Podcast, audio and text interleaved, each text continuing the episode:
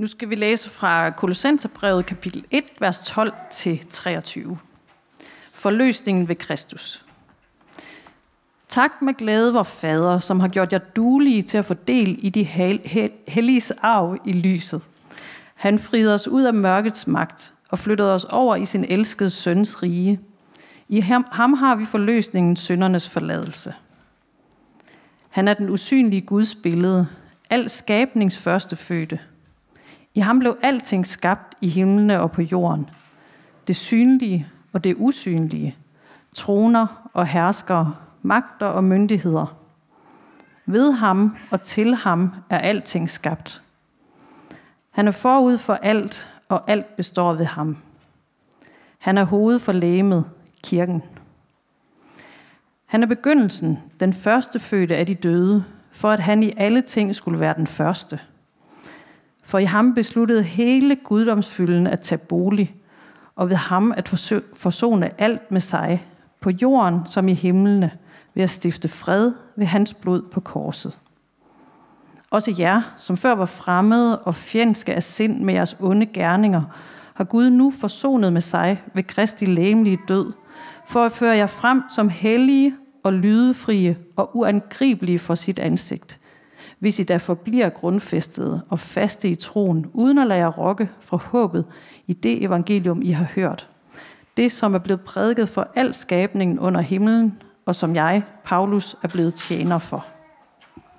Lige, uh, Birgitte, tage det der stykke i midten igen. Der var meget, meget at hænge på, ja. Han er den usynlige Guds billede, al skabnings første fødte. I ham blev alting skabt, i himlene og på jorden. Det synlige og det usynlige. Troner og herskere, magter og myndigheder. Ved ham og til ham er alting skabt. Han er forud for alt, og alt består ved ham. Han er hoved for lægemet, kirken. Tak. Jeg beklager, at jeg lige har øh, PC'eren med på, på scenen i dag. Øh, jeg har brugt hele morgenen på at slås med en printer, og øh, det er altså noget af det, som stadigvæk er i mørkets rige og ikke er blevet forløst endnu. De printer der. Øh, ja. Nå. I dag så får jeg simpelthen pointen fra starten af. Og øh, det er, at øh, det er Kristus, der holder alting sammen. Det er det, der er pointen i dag. Øh, nu må det ikke blive en vane, at de tror, at de bare kan få pointen fra starten af hver, hver gang. Men, men Kristus holder alting sammen. Det er det, det handler om. Så skal vi bare lige finde ud af, hvad det betyder. Øh, det er den helt store idé, vi skal have fat om i dag. Sådan de, de kosmologiske implikationer af Jesus Kristus. Vi kunne for så vidt snakke kvantefysik, eller evolution, eller astronomi, eller politik i dag, og så tale om, hvordan det hele kun giver mening igennem Kristus. Og altså, jeg har set Oppenheimer i den her uge, så jeg har været ved at prøve at læse op på nuklear fission, og jeg har sådan lidt lyst til, at det var gået den vej, vi skulle. Men, men jeg tror, at I slipper i dag, og at jeg slipper for, at I, I får fysikforedraget. Øhm, og vi går en anden vej ind i stedet. Vi har at gøre med en af de allerældste kristne tekster. Det her stykke, Birgitte læste i midten. Øh, måske er det Paulus, der har skrevet det her digt. Måske er det noget, der er ældre end ham. Øh, og, og det laver jo nogle sådan fuldstændig abnorme udsagn. Insisterer på, at lige meget hvad vi står overfor, hvilken del af verden vi prøver at forstå, så begynder og slutter det med Kristus. En Kristus, som ikke bare er her for, for det liv på jorden, der har de største hjerner, men, men som faktisk handler om hele skabningen, om alt, hvad der er skabt. Men hvor selv dem, som har vidst mest og ødelagt mest, de alligevel bliver inviteret med i den her nye verdensorden. Selvom vi er suverænt de mest risikable at have med, dem med størst potentiale for at ødelægge, så vil Kristus alligevel have os med i det, han er i gang med at gøre. Jeg skal sådan lige gribe efter vejret i dag, det håber jeg, I kan fornemme, og det, det skal I måske også. Øh, det er sådan en af de her søndage, hvor jeg virkelig glæder mig over, at vi trods alt har lovsang og sådan nogle ting, der kan sige de helt store, og vi kan få lov at synge dem, når de er svære at sige, øh, og når de er svære at tro på måske også. En af de søndage, hvor jeg er lidt nervøs for, at man kommer ind ad døren, og så hører man præsten stå og tale om de her ting, og tænker, hvad er det for en vanvittig forsamling? Hvad er det, han er gang i, ham prædikant?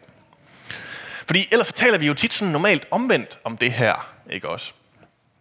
Øh, I vores liv, så er det jo naturlovene og skattestyrelsen og overenskomsten og familieforpligtelserne, der plejer at styre det meste.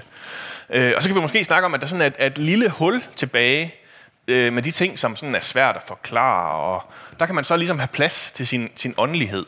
Øh, God of the gaps kalder man det. Gud, Gud i hullerne. Øh, og de huller, de er så heldigvis blevet sådan mindre og mindre de sidste mange år. Og vi får mindre og mindre brug for Gud i vores liv og i vores hverdag. Mindre og mindre brug for det, vi ikke kan forstå eller kontrollere. Og som derfor så bliver frygteligt besværligt at have med at gøre. Øhm. Men det vil Paulus altså ikke være med til. For 2000 år siden, så, så sagde han, det er altså ikke sådan, det fungerer. Gud er ikke bare nede i sit, sit allokerede hul. Øh, Kristus var ikke bare en, der kom og gik igen, og så behøver vi ikke forholde os mere til ham.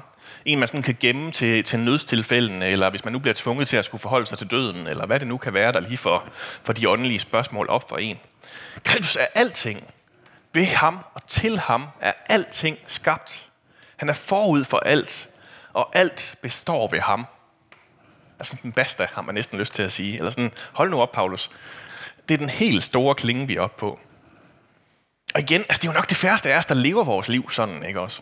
Tager hvert et skridt, og hver, siger hvert eneste ord med den erkendelse, at det er Kristus, der gør det her muligt. Fordi normalt er hovedet jo fyldt med alt muligt andet. Det er meget, der, der er ting, der er meget nemmere at få øje på, ting, der styrer vores liv, som føles meget mere præsente. Og det udgangspunkt, det deler vi jo med, med alle menneskeskæbner. Også dem i Bibelen. Paulus for eksempel selv, der har levet hele sit liv som, som ret troende jøde, taget alle fagene, mødt alle de store mestre, øh, levet sit liv i forsøget på at gøre den her jødedom ren og hellig, at der ikke kommer trusler imod den. Og nu har han også opdaget de her øh, følgere af den her falske messias, og sat hele livet ind på at få slået det her ned og fået, fået dem i jorden igen, så vi kan, vi kan leve en ren jødedom igen. Indtil han så en dag er på vej fra Jerusalem til Damaskus for at fange og torturere kristne i den by. Men så pludselig bliver stoppet op. Ser et lys, som er så stærkt, at han bliver blind af det. Hører stemmen sige, Saulus, hvorfor forfølger du mig? Indser, at det han prøvede at jage væk, det i virkeligheden var godheden og sandheden selv. At Jesus var virkeligheden og ikke løgnen. At verden var skruet sammen på en helt anden måde, end han havde forestillet sig, den var, end han var overbevist om, den var at der var brug for ham på den diametralt modsatte måde af, hvordan han troede, han skulle gøre. Han er ligefrem nødt til at være blind i flere dage, før han er klar til at se det her nye, som han er ved at træde ind i. Se, hvordan virkeligheden i virkeligheden er skruet sammen. Eller vi kunne tage Moses. Den her tidligere prins, som nu er blevet 80 år gammel, som har forladt Ægypten 40 år tidligere over hals og hoved, som efter sådan en, en længere identitetsforvirring om, hvorvidt han var jøde eller egypter, endte med, at han var nødt til at, eller han, han, han følte sig presset til at slå en egyptisk slavefod ihjel, for at beskytte sine israelske landsmænd mod flere pisk. Men de jødiske slaver så ham stadigvæk som en af undertrykkerne, og han måtte flygte over hals og hoved fra Ægypten. Og nu har han endt langt ude på bøgelandet i, i Midian, har giftet sig og fået børn der, er blevet forhørte og har næsten lært den lokale dialekt efterhånden, og kan leve et liv, hvor han lader som om, at det er det eneste, han nogensinde har kendt hvor han så vidt muligt prøver at undgå enhver tanke om sit gamle liv. Og så en dag, mens han er på forhyrtet job, langt ude i ørkenen, kommer han til bjerget Horeb og får øje på en busk, der brænder, uden at den brænder op. Og så er der alligevel lidt der bryder den her øh, øh, fine lige til virkelighed, som han ellers havde lært sig selv at leve i. Han kan ikke bare lade, som om han ikke har set den her busk. Han er nødt til at gå hen og undersøge, hvad det er, der er sket. Og da han kommer hen til den, råber Gud til ham, Moses, du må ikke komme nærmere og tage dine sandaler af, for den jord, du står på, er hellig.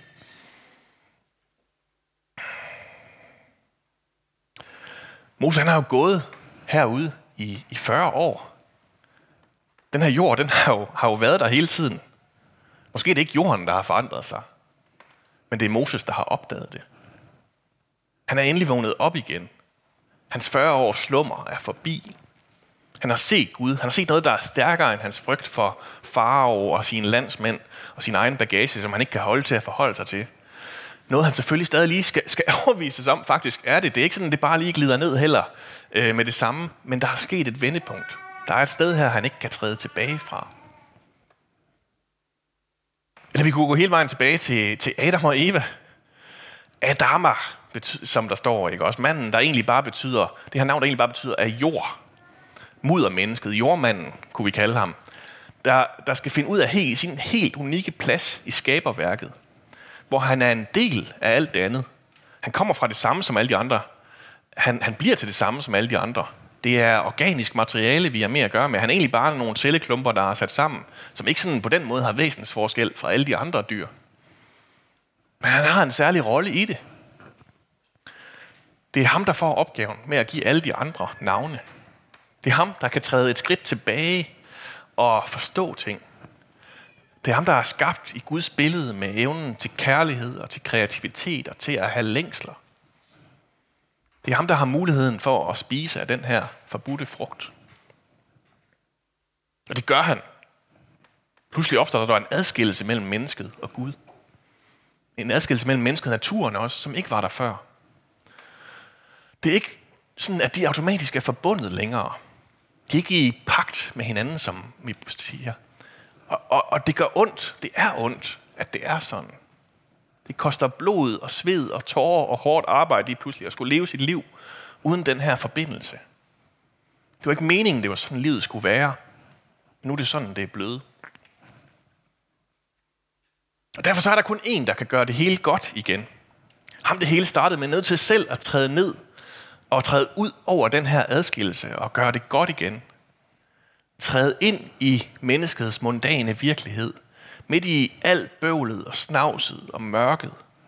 Gennemleve det hele, være det hele, møde det hele, for at han kan overskride den her adskillelse og genskabe den forbindelse, som der egentlig var tænkt, der skulle være mellem Gud og jorden, mellem Gud og mennesker, mellem Gud og hele skabningen. Og det er der, vi kommer ind i historien. Vi lever i dag vores helt almindelige, mondane liv – med blod og sved og tårer og hårdt opslidende arbejde, er en del af en, en verden, som heldigvis har lysglimt, men hvor der godt nok også er meget, der ser ud til bare at være ved at gå i hunden hele tiden. Men alligevel så har alting ændret. Historien har haft et vendepunkt. Det er faktisk ikke en lang rejse mod forfaldet, vi lever i længere. For det hele hænger sammen igen. Der er en, der har fået det til at hænge sammen, når vi ikke kunne. Og det er jo det, vi gerne vil være en del af. Det er det, vi gerne vil leve vores liv i opdagelsen af og erkendelsen af. En verden, hvor der er fred. Men hvordan gør man det? Hvad er det, der sker? Hvad er det egentlig, det betyder for vores helt almindelige liv, fyldt af alt muligt andet? Var det først, da Gud talte direkte og uafviseligt til Saulus, at øh, han fandt ud af, at det var Gud selv, han forfulgte? Var jorden først hellig, da Moses fik besked på at tage sine sandaler af? Eller havde den været det hele tiden? Hvorfor tror Adam, at han er nødt til at gemme sig for Gud lige pludselig? At det er en skam at være nøgen, også over for Eva? Er jorden allerede hellig omkring os? Er Gud her allerede? Behøver vi ikke at skamme os og gå og skulle tro, at vi skal lede efter et eller andet, eller finde et eller andet, som vi ikke kan få hold om? Er der gode nyheder og et evangelium til os? Ja, og det er meget tættere på, end vi tror. Da Moses han, han møder Gud i den her tornebusk, så er han nødt til at spørge ham, hvad han hedder. Hvad skal han kalde ham? Øh, hvis nogen spørger. Og det svar, han får, det er, at du skal svare dem. Jeg er den, jeg er. Jeg er har sendt mig, skal du sige. Det første, man kan sige om Gud, det er simpelthen bare, at han er den, der er. Jeg er, kalder de ham. Står over 600 gange i Bibelen præcis, hvordan det udtales, det er gået tabt over tid, fordi de gamle jøder, de ville ikke sige navnet, fordi de så det som helligt i sig selv. Øh, det bedste bud på en rekonstruktion, det er nok Yahweh, det ord, der bliver sagt her. På hebraisk, så står der bare fire bogstaver. J-H-V-H. J, he, vah, he. Der er nogen, der vil sige, at, at navnet simpelthen er uudtaleligt, fordi de her fire lyde, J, V, H, Jot, he, var, he. Det simpelthen bare er lyden af åndedraget. At Guds navn er lyden af et åndedrag. At vi kalder på ham, hver gang vi trækker vejret. Igen er der jo noget, der peger tilbage her. Det var sådan, Gud han lavede mennesket. Han blæste sin egen livsånde ind i den. Ind i den her jordklump. Det startede med at være. Adam, det første menneske, levede kun fordi Guds eget åndedrag var i ham. I ham lever og ånder og er vi, beder vi i en gammel bøn i kirken. Gud er nær. Han er i vores åndedrag. Vi trækker kun vejret, fordi at Gud er der, fordi han er den, der holder alting sammen. Og i dag så lever vi jo sådan en, en absurd tid, hvor man kan have brug for at komme på kursus i at trække vejret. Vi laver vores mindfulness og vores åndedrætsøvelser, fordi vi lever vores liv øh, på en måde, så vi faktisk knap nok kan finde ud af at trække vejret længere. Vi er blevet så fremmedgjorte over for os selv og over for Gud, at selv vores livsgrundlag, det at trække vejret, forudsætningen for, at vi lever, det er noget, vi skal genopdage igen. Fordi vi har brug for den her forløsning. At vi har brug for den her forløsning. I stedet, hvor vi har brug for, at Gud han kommer og bryder den her adskillelse. Vi har brug for at blive flyttet over i Guds rige igen. Ind i lyset og freden. Ind til et sted, hvor man kan få lov at trække vejret frit. Og samtidig ikke også, det, det er det nemmeste i verden at trække vejret. Altså, vi kan slet ikke lade være. Man kan kun holde vejret, indtil man ikke kan det længere. Indtil man er nødt til at trække det igen. Altså, det, det behøver vi vel ikke Guds hjælp til. Det er vel ikke noget, vi behøver sådan at gøre super åndeligt, eller hvad? Nej, ikke hvis I forestiller sig super åndeligt. Det betyder sådan en eller anden slags øh, spiritualitetsgymnastik, hvor at man skal gå i ekstase og i total, shakabalaya og stå på hovedet imens, eller hvad det nu er, vi, vi, vi får for et billede ind i hovedet, som skræmmer os væk, når vi taler om åndelighed på den her måde. Men den praksis, bare at give sig selv tid til at, at mærke sit eget åndedrag, at ånde helt ud, inden man ånder helt ind igen. At det er et sted, hvor Gud er til stede, hvor det faktisk er muligt at møde og mærke ham, hvor vi får lov til at opleve orden i verden igen. At Gud har styr på det. At der stadig er fred at finde. En fred, som vi ikke bare kan give os selv, men som vi kun kan få, fordi Kristus er brudt ind i vores verden. Og ikke bare for os og for vores egne små projekter med at være menneske, taler den her tekst om det. Nej, det er hele skabningen. Det er musen og elefanterne, det her gælder for. Det er egetræerne og brumbærerne. Det er bøgerne og musikken og fodbolden. Det er ikke, der er ikke noget under himlen, som ikke har brug for at finde på plads i Kristus. Som ikke startede hos ham. Som ikke har brug for at finde tilbage til ham. Som ikke forændrede deres betydning af, at Gud selv døde på et kors. Og faktisk også, at vi har vores del i at, at spille i, at det er sådan, det bliver. Så når nogle af jer lægger jeres landbrug om, fordi at det ikke bare skal være udnyttelse af dyrene og jorden, øh, som kan ende med at blive en udpening i sidste ende, men, men dyrker det på en måde, så er det jo fordi, vi ser det her ske. Når nogle af jer vælger fuldtidsjobbet fra, fordi familien simpelthen ikke kan hænge sammen på den her måde længere, så er det jo det her, vi ser ske. Når nogle af jer vælger, at jeres firmaer skal køres på en anden måde end bare ren profitmaksimering og bundlinje, at I vil se jeres medarbejdere i øjnene og se dem som medarbejdere og ikke bare brikker i et spil, så er det jo det her, vi ser ske. Når nogle af jer kæmper på videre på arbejdspladser i systemer, der simpelthen ikke hænger sammen og bare er skruet sammen med alt for få ressourcer, men stadig finder ud af en måde at være noget over for de mennesker, som I er sat til at være noget over for på jeres hverdag, og siger fra over for resten, jamen så er det jo det her, vi ser ske. Når nogle af jer sidder og øh, udregner og udfører de mest effektive og energibesparende måder at gøre tingene på, og tager kampen med chefen for, at det bliver den bedste og ikke bare det billigste måde, vi gør det på, så det er jo det her, vi ser ske. Så tak for det. Og det, der så kan gå galt, når vi snakker om det på den her måde, det er jo, at vi kan sidde der og føle, at det var ikke lige os, der har gjort det, og det var nogle andre, og det burde vi måske have gjort i stedet for. Øh, på hver sit særlige område kan vi sidde og føle os forkerte og det skal I lade være med. Det var ikke det, der var pointen. Men selvfølgelig er der en opgave med at finde ud af, hvordan vi faktisk lever grundfæstede og faste i troen på, at det er sådan her, verden faktisk fungerer. At de gode nyheder, Gud har til os, de er sande. At Kristus har fået alting til at hænge sammen igen, og det faktisk er sådan, verden fungerer, som den skal. Men det er altså ham, og ikke os, der står for den del. Vi skal ikke strække os urimelig langt for, for at være det hele, fordi det er Kristus, der er det, vi skal der, være der, hvor vi er, hos de mennesker, vi er blevet stillet over for med de opgaver og evner, vi har fået. Men det er der først og fremmest er vores opgave at trække. Og det hele begynder med, at vi ånder ind, og vi ånder ud igen. Med at Herren er vores nær, vores nær. At Herren er os nær i vores mund og i vores hjerte.